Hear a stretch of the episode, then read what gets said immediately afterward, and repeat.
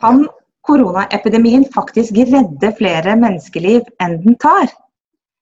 Det er spørsmålet vi skal prøve å få svar på i denne fjerde utgaven av Pandemipodden til Senter for utvikling og miljø ved Universitetet i Oslo.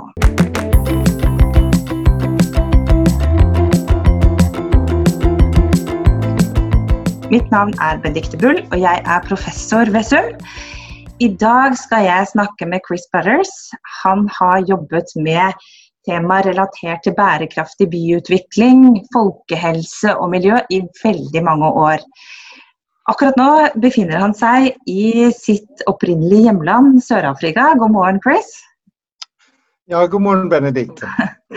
Hvordan går det der? Dere har, eh, hele landet har vært stengt siden eh, torsdag nå? Jo, sikkert som andre steder. Det er helt utrolig å være et sted som er så stille. Ja. Helt uvant. Og dere får ikke lov å gå ut med hunden engang, har jeg skjønt? Det er nei, helt nei, nei. Ja. Men eh, du har eh, sagt noe litt provoserende. Eh, du har jobbet med urbanisering og bærekraft i mange år. Eh, og mange av oss er veldig bekymret for hva som kan skje i de store byene i sør. Men du har sagt at koronaepidemien faktisk kan redde flere menneskeliv enn den tar. Hva mener du med det? Ja, de kan si det er en tragisk ironi. Vi skal ikke forstå det slik at vi skal se bort fra tragedien. Men altså de offisielle tall på verdensbasis på luftforurensning og de, død, de dødsfallene eh, som følger, er på rundt én million årlig i både India og Kina, og på rundt 80 000 i Europa. Um, altså Denne pandemi betyr at folk kan se solen for første gang, som vi har sett på dette der. Um, og byene er ikke forurenset lenger i en liten stund. Og pluss mindre støy, mindre vann- og jordforurensning osv. Og hvis vi, ser på det, hvis vi bare tenker på det tallet på 1 million årlig, dette betyr 3000 ekstra dødsfall fra, fra luftforurensning hver dag. Og da kan man fort sammenligne, dessverre, med, med, med pandemien. Og for miljøet, ikke sant? fordi det blir plutselig en kjempenedgang i energibruk, i bensinbruk, klimautslipp. Så det er litt tragisk, altså. Men poenget er at, at den har noen slike positive sider fordi vi mishandler planeten slik vi gjør.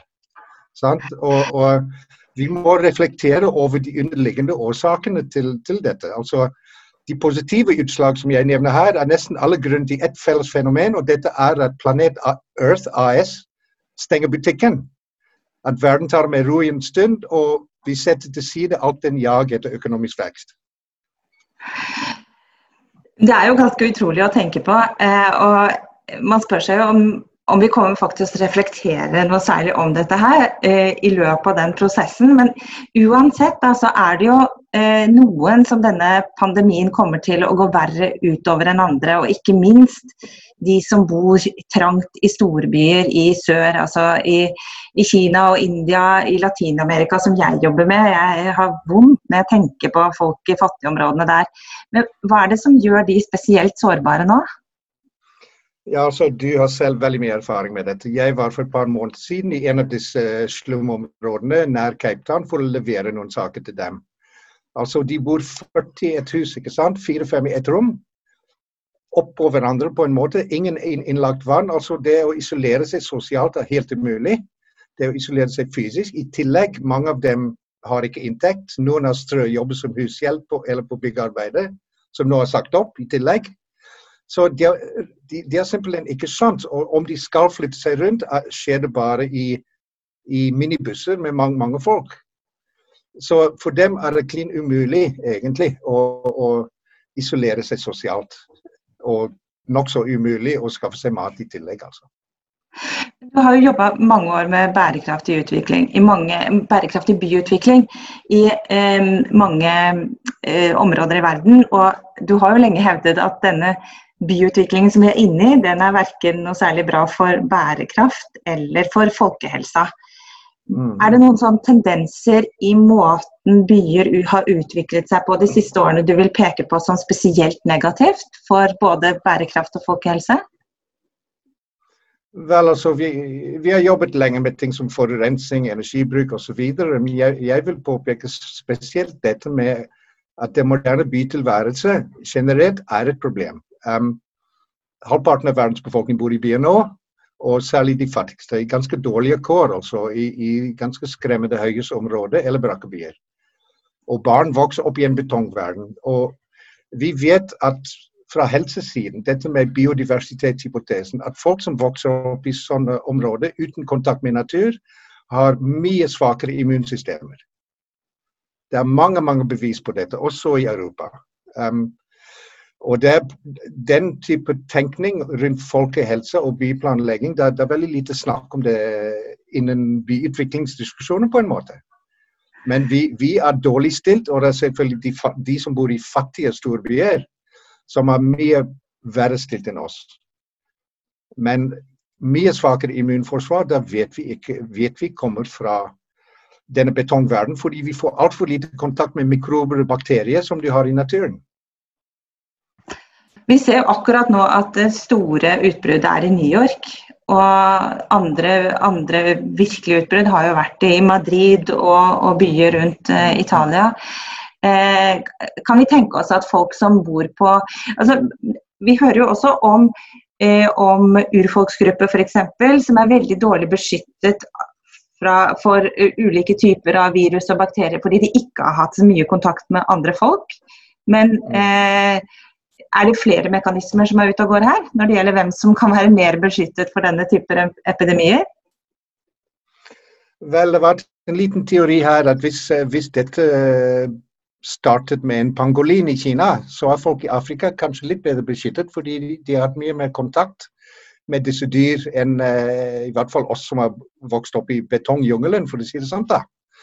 Så vi får håpe at det kan være noen positive uh, bieffekter av dette. Jeg vet ikke. Men um, Eh, hvordan, hvis du skulle være Xi Jinping for et stakket øyeblikk og kunne velge hvordan byene skulle utvikle seg i Kina f.eks., eller hvordan ville den, eh, en bedre by se ut, se ut for deg?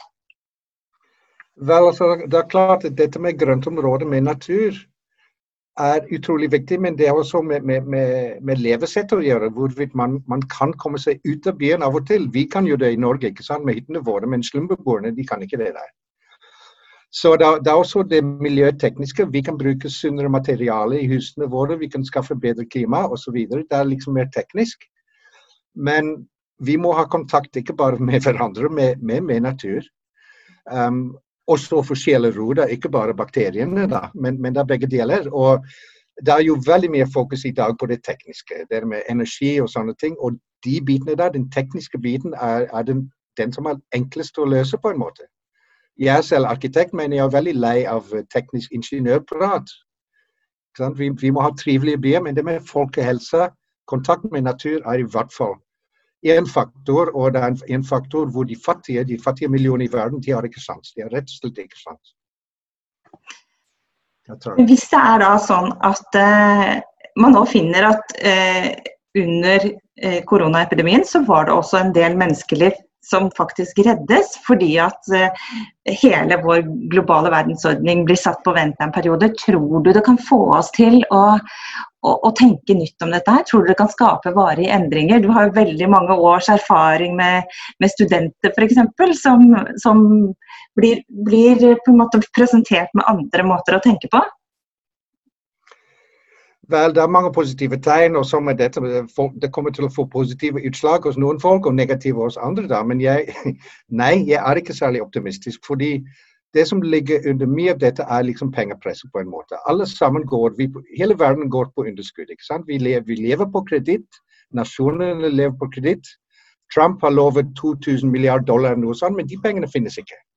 De må skapes. Altså det er fiktive penger som lånes fra framtiden. Og alle sammen sitter vi fast i denne boksen der.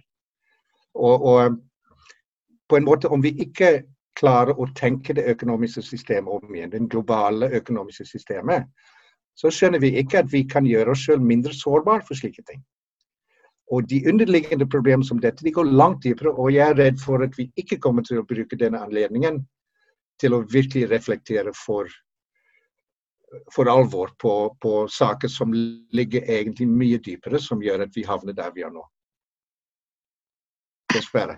Det var dessverre litt sånn, Jeg prøver alltid å avslutte litt optimistisk. Det var litt pessimistisk konklusjoner. Jo, nei, ja, jo, ja, men det er mange folk som tar det positivt. Både at de må sitte sammen med ektefellen sin i, to, i tre uker, ikke sant?